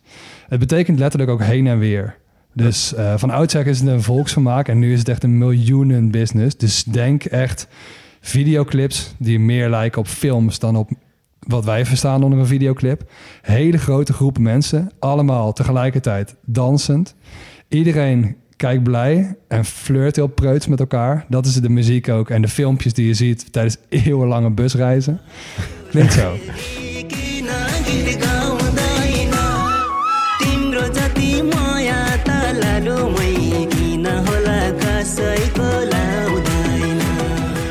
Ja, jongens, jij zegt, we hebben net de clip erbij gezien. Jongens tegen de meisjes. Hij zingt natuurlijk alleen en zij, zij danst hierbij. Ja, het gaat over en weer. Over en weer. Ja, dus ik precies. nu de man laten Ah, horen, maar check. de vrouwen komen hierna weer met een couplet. Het deed me heel erg denken aan, eh, ken je dat nummer nog van Run DMC, It's Like That? Met die clip dat ze gingen breakdansen tegenover elkaar. Ja, dat ze elkaar moesten dissen en zo. Echt zo'n nummer uit de beginjaren zero's. Dit is eigenlijk, dit is dat, maar dan de Nepal-versie. Ja. Ik word er wel echt vrolijk van. Het is gewoon, ja, nu begrijp je ook een beetje waarom in India bijvoorbeeld hitjes en film ook onlosmakelijk met elkaar verbonden zijn. Ja. Eh, het mooie is wel dat alles is zo opgenomen dat je dus altijd een even lang couplet krijgt. Vaak van 20 of 28 lettergrepen. Tel maar even na. Maar dat geeft dus best wel een mooi boogie. Het blijft maar doorgaan. Ja, ah, ja, grappig. Nou, dan eentje die je misschien eh, niet verwacht had. Maar Nepal gaat ook best wel lekker op rockbands. En ik ging best wel lekker op een grootste misschien wel, Nepacha. We nu- we, eh, luisteren even naar het nummertje Resham.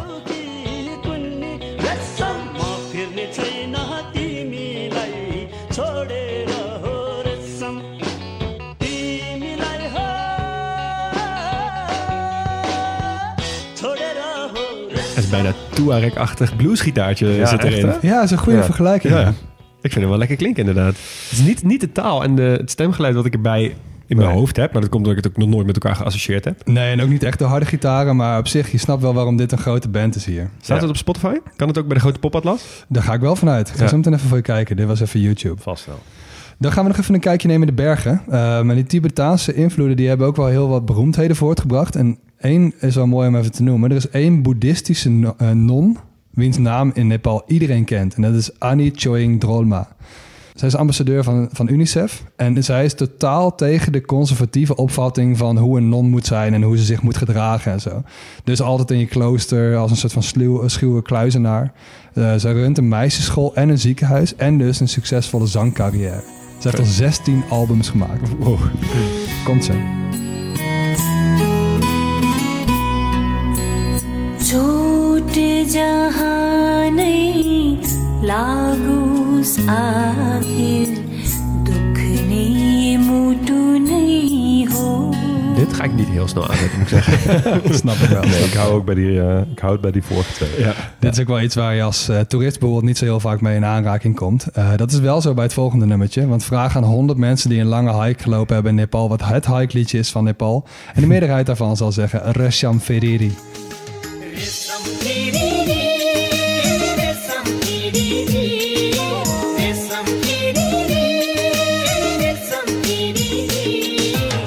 Dit een Nepalese versie van Ik heb een potje met vet? Maar ik heb De idee paarden dat op de wel laan ook. Wat zeg je? Ik heb het idee dat ik het wel ken. Ja? Ja. Ik niet. Het schijnt dat je hiermee wel gewoon lekker kan dansen met je, met je, met je Sherpa berggids, zeg maar. Oh ja? Ja, Die ja, word ik helemaal ik gek wel. van. Die heeft er Ja. helemaal geen zin meer in. joh. Zeker. En dan wil ik graag even afsluiten met mijn persoonlijke liefde. Want ik weet nog wel dat ik in Noord-India was en daarna in Nepal. Ehm, tussen al die Tibetaanse boeddhisten. En wat ik overal hoorde was hun bekendste mantra. Om Mani Padme Hum. Letterlijk, ehm, je, je eert de, de parel of de wijsheid van de lotus. En figuurlijk is het een meditatiespreuk om trots, jaloezie, begeerte, onwetendheid, hebzucht en haat te laten verdwijnen. En dat is dus precies het soort verlichting waar dat boeddhisme naar zoekt. En zo'n mantra komt natuurlijk het best tot zijn recht als het eindeloos herhaald wordt.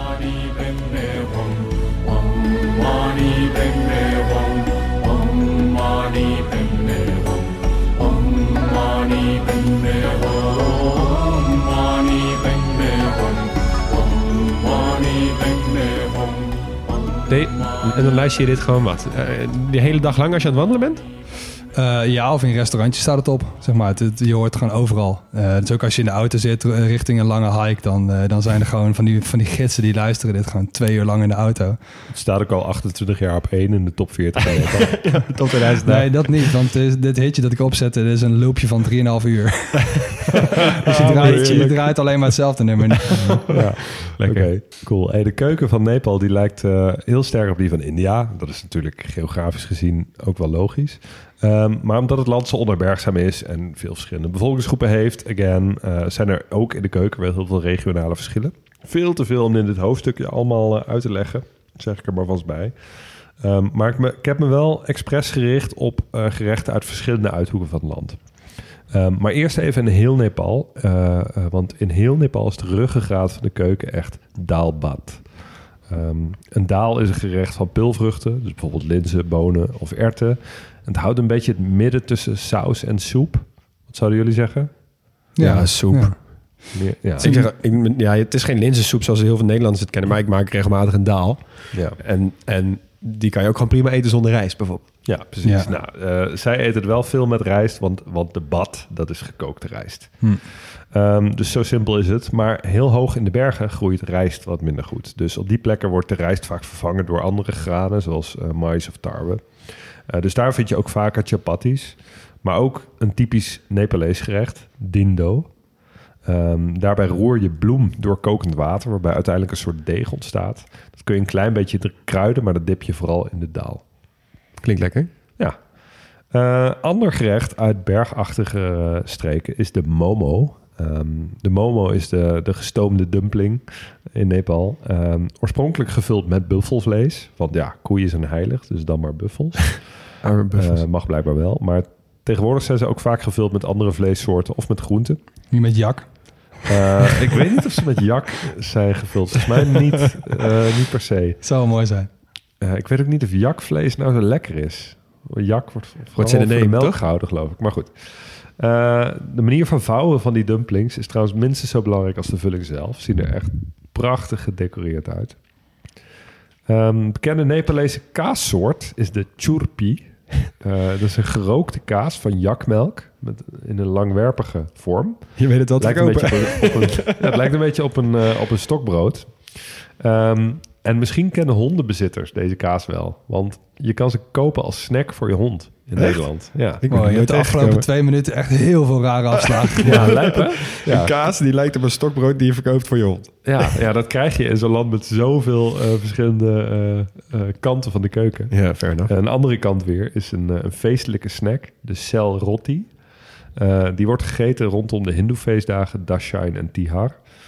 Eh, het is een ringvormig gefrituurd broodje van rijstmeel... met behoorlijk wat suiker en ghee, dus Indiase boter. Dus ja, denk een beetje aan een zoete variant van een Turkse simit. Oké. Oh, Ja. Dan maakt hij in één keer een hele goede afslag. Ja, inderdaad. hè. Een andere zoete snack, Yomari. Dat is een rijstdumpling met zoete vulling. Ook iets wat je niet zo heel vaak in een dumpling ziet. Ja, dat is best wel, best wel lijp. Heb je al iets gehoord wat je hebt gegeten daar? Of Ja, wel een paar dingen, maar ook weer niet ja. zoveel. Dus Nee, eh, ja, die, die uithoeken, dat is dus wel mooi. Want Nee. dan kom je toch nooit allemaal. Dus er zijn altijd wel weer hoekjes die, die, waar je niet komt. Waar je dus ook een gerecht hebt dat je niet ziet Nee, tijdens precies. een normale vakantie. Nee, dat geloof ik, ja. Ehm, in het moderne Nepal zijn trouwens ook noedels niet meer weg te denken uit de menus. Maar ja, die zijn toch echt wel overgenomen vanuit China. Eh, echt wel een keuken dus waar je ook ja, sowieso wel wat kan eten. Of je nou veel dierlijke eiwitten eet of juist veganistisch. Ehm, dan om af te sluiten nog even wat drinken. In Oost-Nepal wordt veel tongba gedronken. Eh, dat is een alcoholische drank op basis van gefermenteerde gierst. En die wordt geserveerd in een klein tonnetje en gedronken door een rietje. Ziet er best wel geinig uit. Echt gewoon zo'n een soort mini wijnvat eigenlijk. Wat gezellig. eruit. Ja, heel gezellig. Heerlijk. Lijkt ook wel een beetje op matte qua hoe het gepresenteerd wordt. Maar dan nou ja, met dat rietje. Ja. Grappig. En hebben ze dan ook een thermosfles onder hun arm om het bij te vullen? Ik hoop het wel voor zou mooi zijn. Huug, weet je wat ik eh, nog bedacht? Ehm, dit heeft verder niks te maken met eventueel een bezoek aan Nepal van ooit. Maar ik weet nog dat ik las ergens dat in Nepal eh, zijn ze vet groot fan van de kapsalon. Oh ja? Ja, die is blijkbaar op de een of andere manier door een toerist ooit in Nepal terechtgekomen als idee.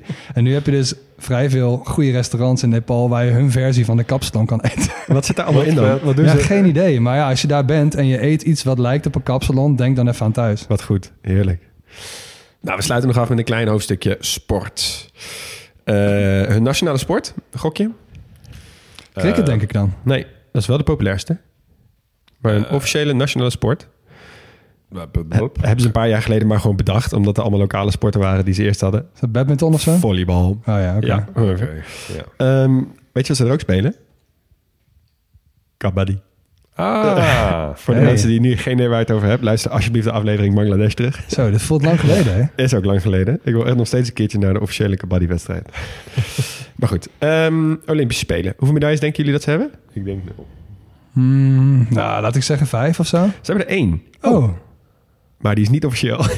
Oh, tijdens een demonstratiesport of ja, zo. more or less. Tejbir Boeddha, een Nepalese staatsburger. Hij was lid van de Britse Mount Everest-expeditie van 1922. Dus long time ago. mislukt ook. Nou, niet naar de top, maar dat was de eerste expeditie naar ja. zeg maar, Mount Everest toe. En eh, dat vond eh, Pierre de Coubertin, dat is de grootvader van de moderne Olympische Spelen. Die vond dat zo ongelooflijk gaaf dat hier een Olympische medaille aan moest worden uitgereikt. Dus had hij voor de Olympische, eerste Olympische Winterspelen van twee jaar later eh, een medaille, de gouden medaille voor alpinisme toegekend aan hen. Ja. Oh ja, wordt het een soort eh, Nobelprijs of zo? Dat is niet de bedoeling. Nee, nou ja, maar het is wel Pierre de Coubertin waar we het over hebben. hè. Dat is wel echt de, de, de, de chef de mission des chef de missions, zeg maar. Ik heb Eh, nooit van de beste man gehoord. ik ook niet. Sorry. Hij, is echt, hij heeft in zijn eentje ongeveer die hele moderne Olympische oké. Spelen gekickstart, zeg maar. Maar goed, Oké, oké. oké. anyhow, eh, deze medailles worden dus niet meegeteld. Dus ze hebben eh, één medaillewinnaar die niet officieel telt. Maar in hun eigen land tellen ze hem wel gewoon mee, uiteraard. Tuurlijk, dat snap ik. Ja, ze zouden wel echt intens veel winnen als alpinisme weer een sport werd. Eh, ze hebben heel veel grote spelers daarin. Maar ook eh, Kami Rita, een, een Nepalese Sherpa, gids ook. Eh, een record voor de meeste beklimmingen naar de top van de Everest. 28 keer recentelijk gehaald. Groot speler. Zijn broer 17 keer. Dus die familie gaat wel lekker. Dus die Ja. gaan echt wel hard, hard de hoogte in. Ehm, verder kwam ik nog wat andere gekke sporten tegen. Je hebt namelijk eh, Mira Rai, dat is echt een prachtig verhaal. Zij ging eh, op haar veertiende bij de Maoïsten om te vechten. Eh, en toen was de oorlog afgelopen. En toen had ze zoiets van, ja, ik wil wel wat meer uit mijn leven halen... dan hier in een huisje zitten in Kathmandu. Eh, en toen kwam ze tijdens een rondje hardlopen... een groepje tegen met wie ze een, met wie ze een stukje verder kon lopen. Eh, en dat ging best wel lekker eigenlijk. Nou, na een tijdje stopte ze en zei ze... oké, okay, toeledokie, eh, doe je volgende, keer, volgende week weer mee? En zei ze, ja, is goed. Dus een week later kwam ze daar naar de afgesproken plek toe... en toen ging zij met allemaal andere mensen... zonder dat ze het wist... in één keer stond ze aan de start van... de Himalayan Outdoor Festival Trail Race van 50 kilometer. Zij stond daar, onvoorbereid, zonder genoeg eten, zonder technische hardloopkleding, helemaal niks. En drie keer raden wie er won. Nee, Mira Rai. dat is wel echt een vet verhaal. Dat is wel echt goed. En tegenwoordig is ze dus ook professioneel ultrarunner. Eh ultrarunner kennen we, hebben het eerder over gehad. Maar ze is dus ook skyrunner. En skyrunnen is dus weer een variant van ultrarennen. Wat we, als je ultrarennen leuk vindt, luister even de aflevering New York terug. Voor de meest bizarre wedstrijd aller tijden. Maar skyrunnen is eh ultrarunnen boven 2000 meter. Waarbij de minimale gemiddelde helling 6% is over de totale afstand. eh, en minstens 5% een helling heeft van 30% of meer. Jeez. En dat noemen ze skyrunning. Ik denk dat is de plek waarvoor, ja, daar moet je daar wel daar zijn. Daar moet je wel daar zijn. Ja. Ja. en zij zie je dus ook heel goed in. Nou, tenslotte, gelukkig hebben de Nepalezen ook nog een eigen gekke nationale sport. Dandi Bijo. Eh, Het is een soort cricket meets honkbal. Eh, zonder werper. Dus je hebt twee teams van zeven. Eentje die staat dus in het veld, net als met honkbal. En die andere zitten dus op de bank. Eh, en eh, één iemand is aan de slag. En wat hij doet, is die legt de bijo... dat is een soort klein ja, st- stokje... In, over een kuiltje heen. En dan pak je de dandi, dat is een soort langere stok. En daarmee wip je als het ware die bijo omhoog. En dan in het wippen mag je hem dan nog een keer slaan. En dan sla je hem weg, zeg maar. Oh, oké. Dus, Dus je mag gewoon... hem twee keer slaan. Of één keer bijvoorbeeld omhoog wippen. Of een heel klein stukje naar voren wippen of zo. En dan is het aan het veldteam om zo snel mogelijk dat stokje te pakken en terug te gooien. En naar de plek, de honk, zeg maar, waar je heen aan het rennen bent. Dit is chill, want ik ben wel eens bij zo'n honkbalwedstrijd geweest. Het lijkt me altijd zo eng om pitcher te zijn. Maar ja, dat probleem heb je nou niet dan. Nee, exact. Pitches en catches heb je niet nodig. Je, Nee. je wipt hem gewoon als het ware omhoog met je eigen stok en dan map je hem eh, weg. Je moet wel even checken af- als je dit gaat spelen. Want bl- blijkbaar wordt dit lokaal heel veel gespeeld. Maar als je eh, gaat spelen, check van tevoren even de regels. Want blijkbaar verschilt het ook per dorp. Eh, wat nou de regels zijn. Of je wel mag wippen of niet. Of je wel in één keer mag slaan of niet. Hoeveel mensen er in het veld staan. Nou goed, dus eh, zo zie je maar weer. Elk, elk dorp heeft weer zijn eigen regels wat dat betreft. Ik zou zeggen, spelen als je er bent. Ja.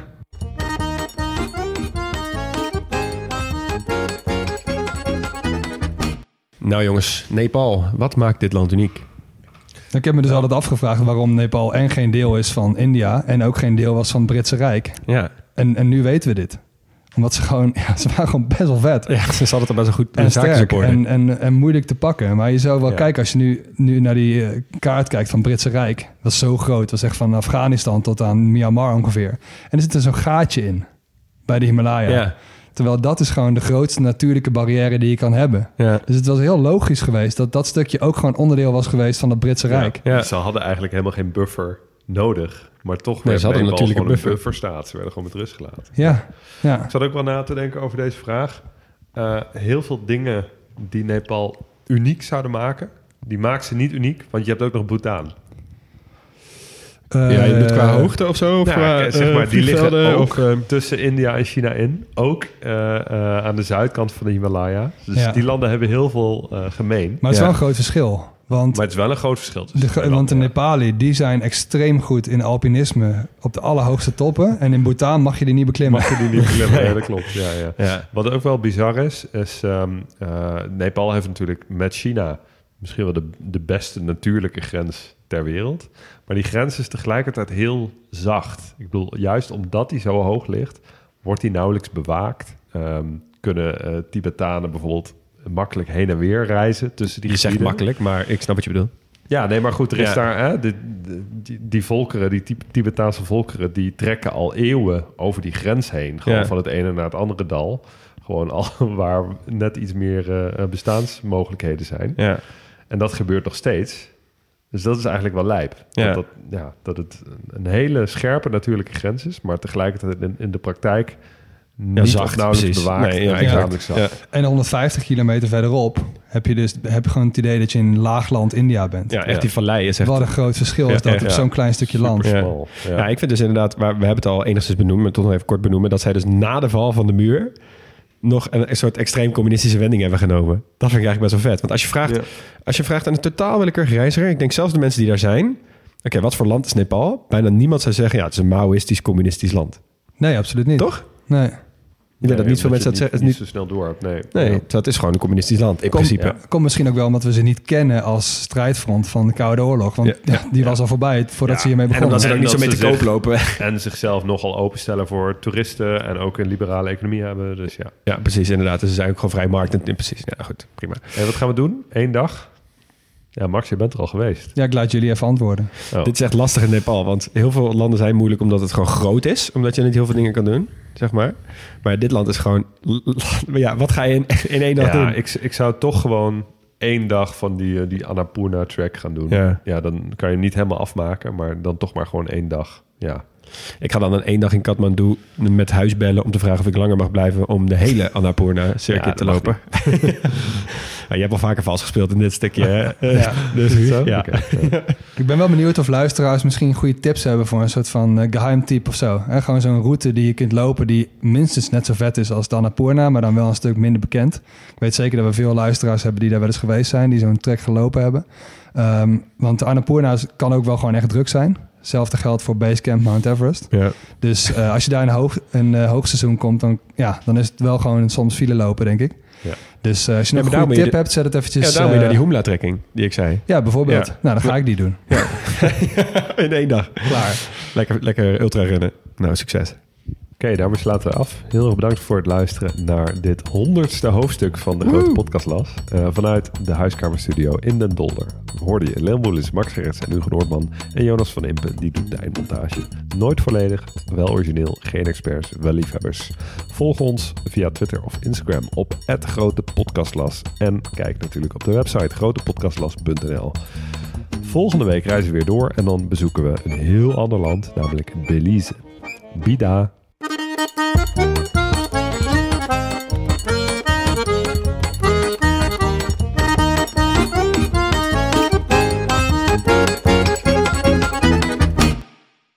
Luisteraar. Luister je nog steeds? Klasse, man. Je hebt er gewoon helemaal afgeluisterd. Nou, nu je tot hier bent gekomen, koop dan ook gelijk even ons boek, hè. grotepodcastlas.nl slash boek. Doei!